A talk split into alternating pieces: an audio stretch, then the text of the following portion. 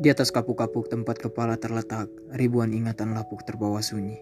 Hancur lebur tertusuk hening yang semakin pening. Siapa yang mampu membuat hati yang lara berbicara tersengal-sengal?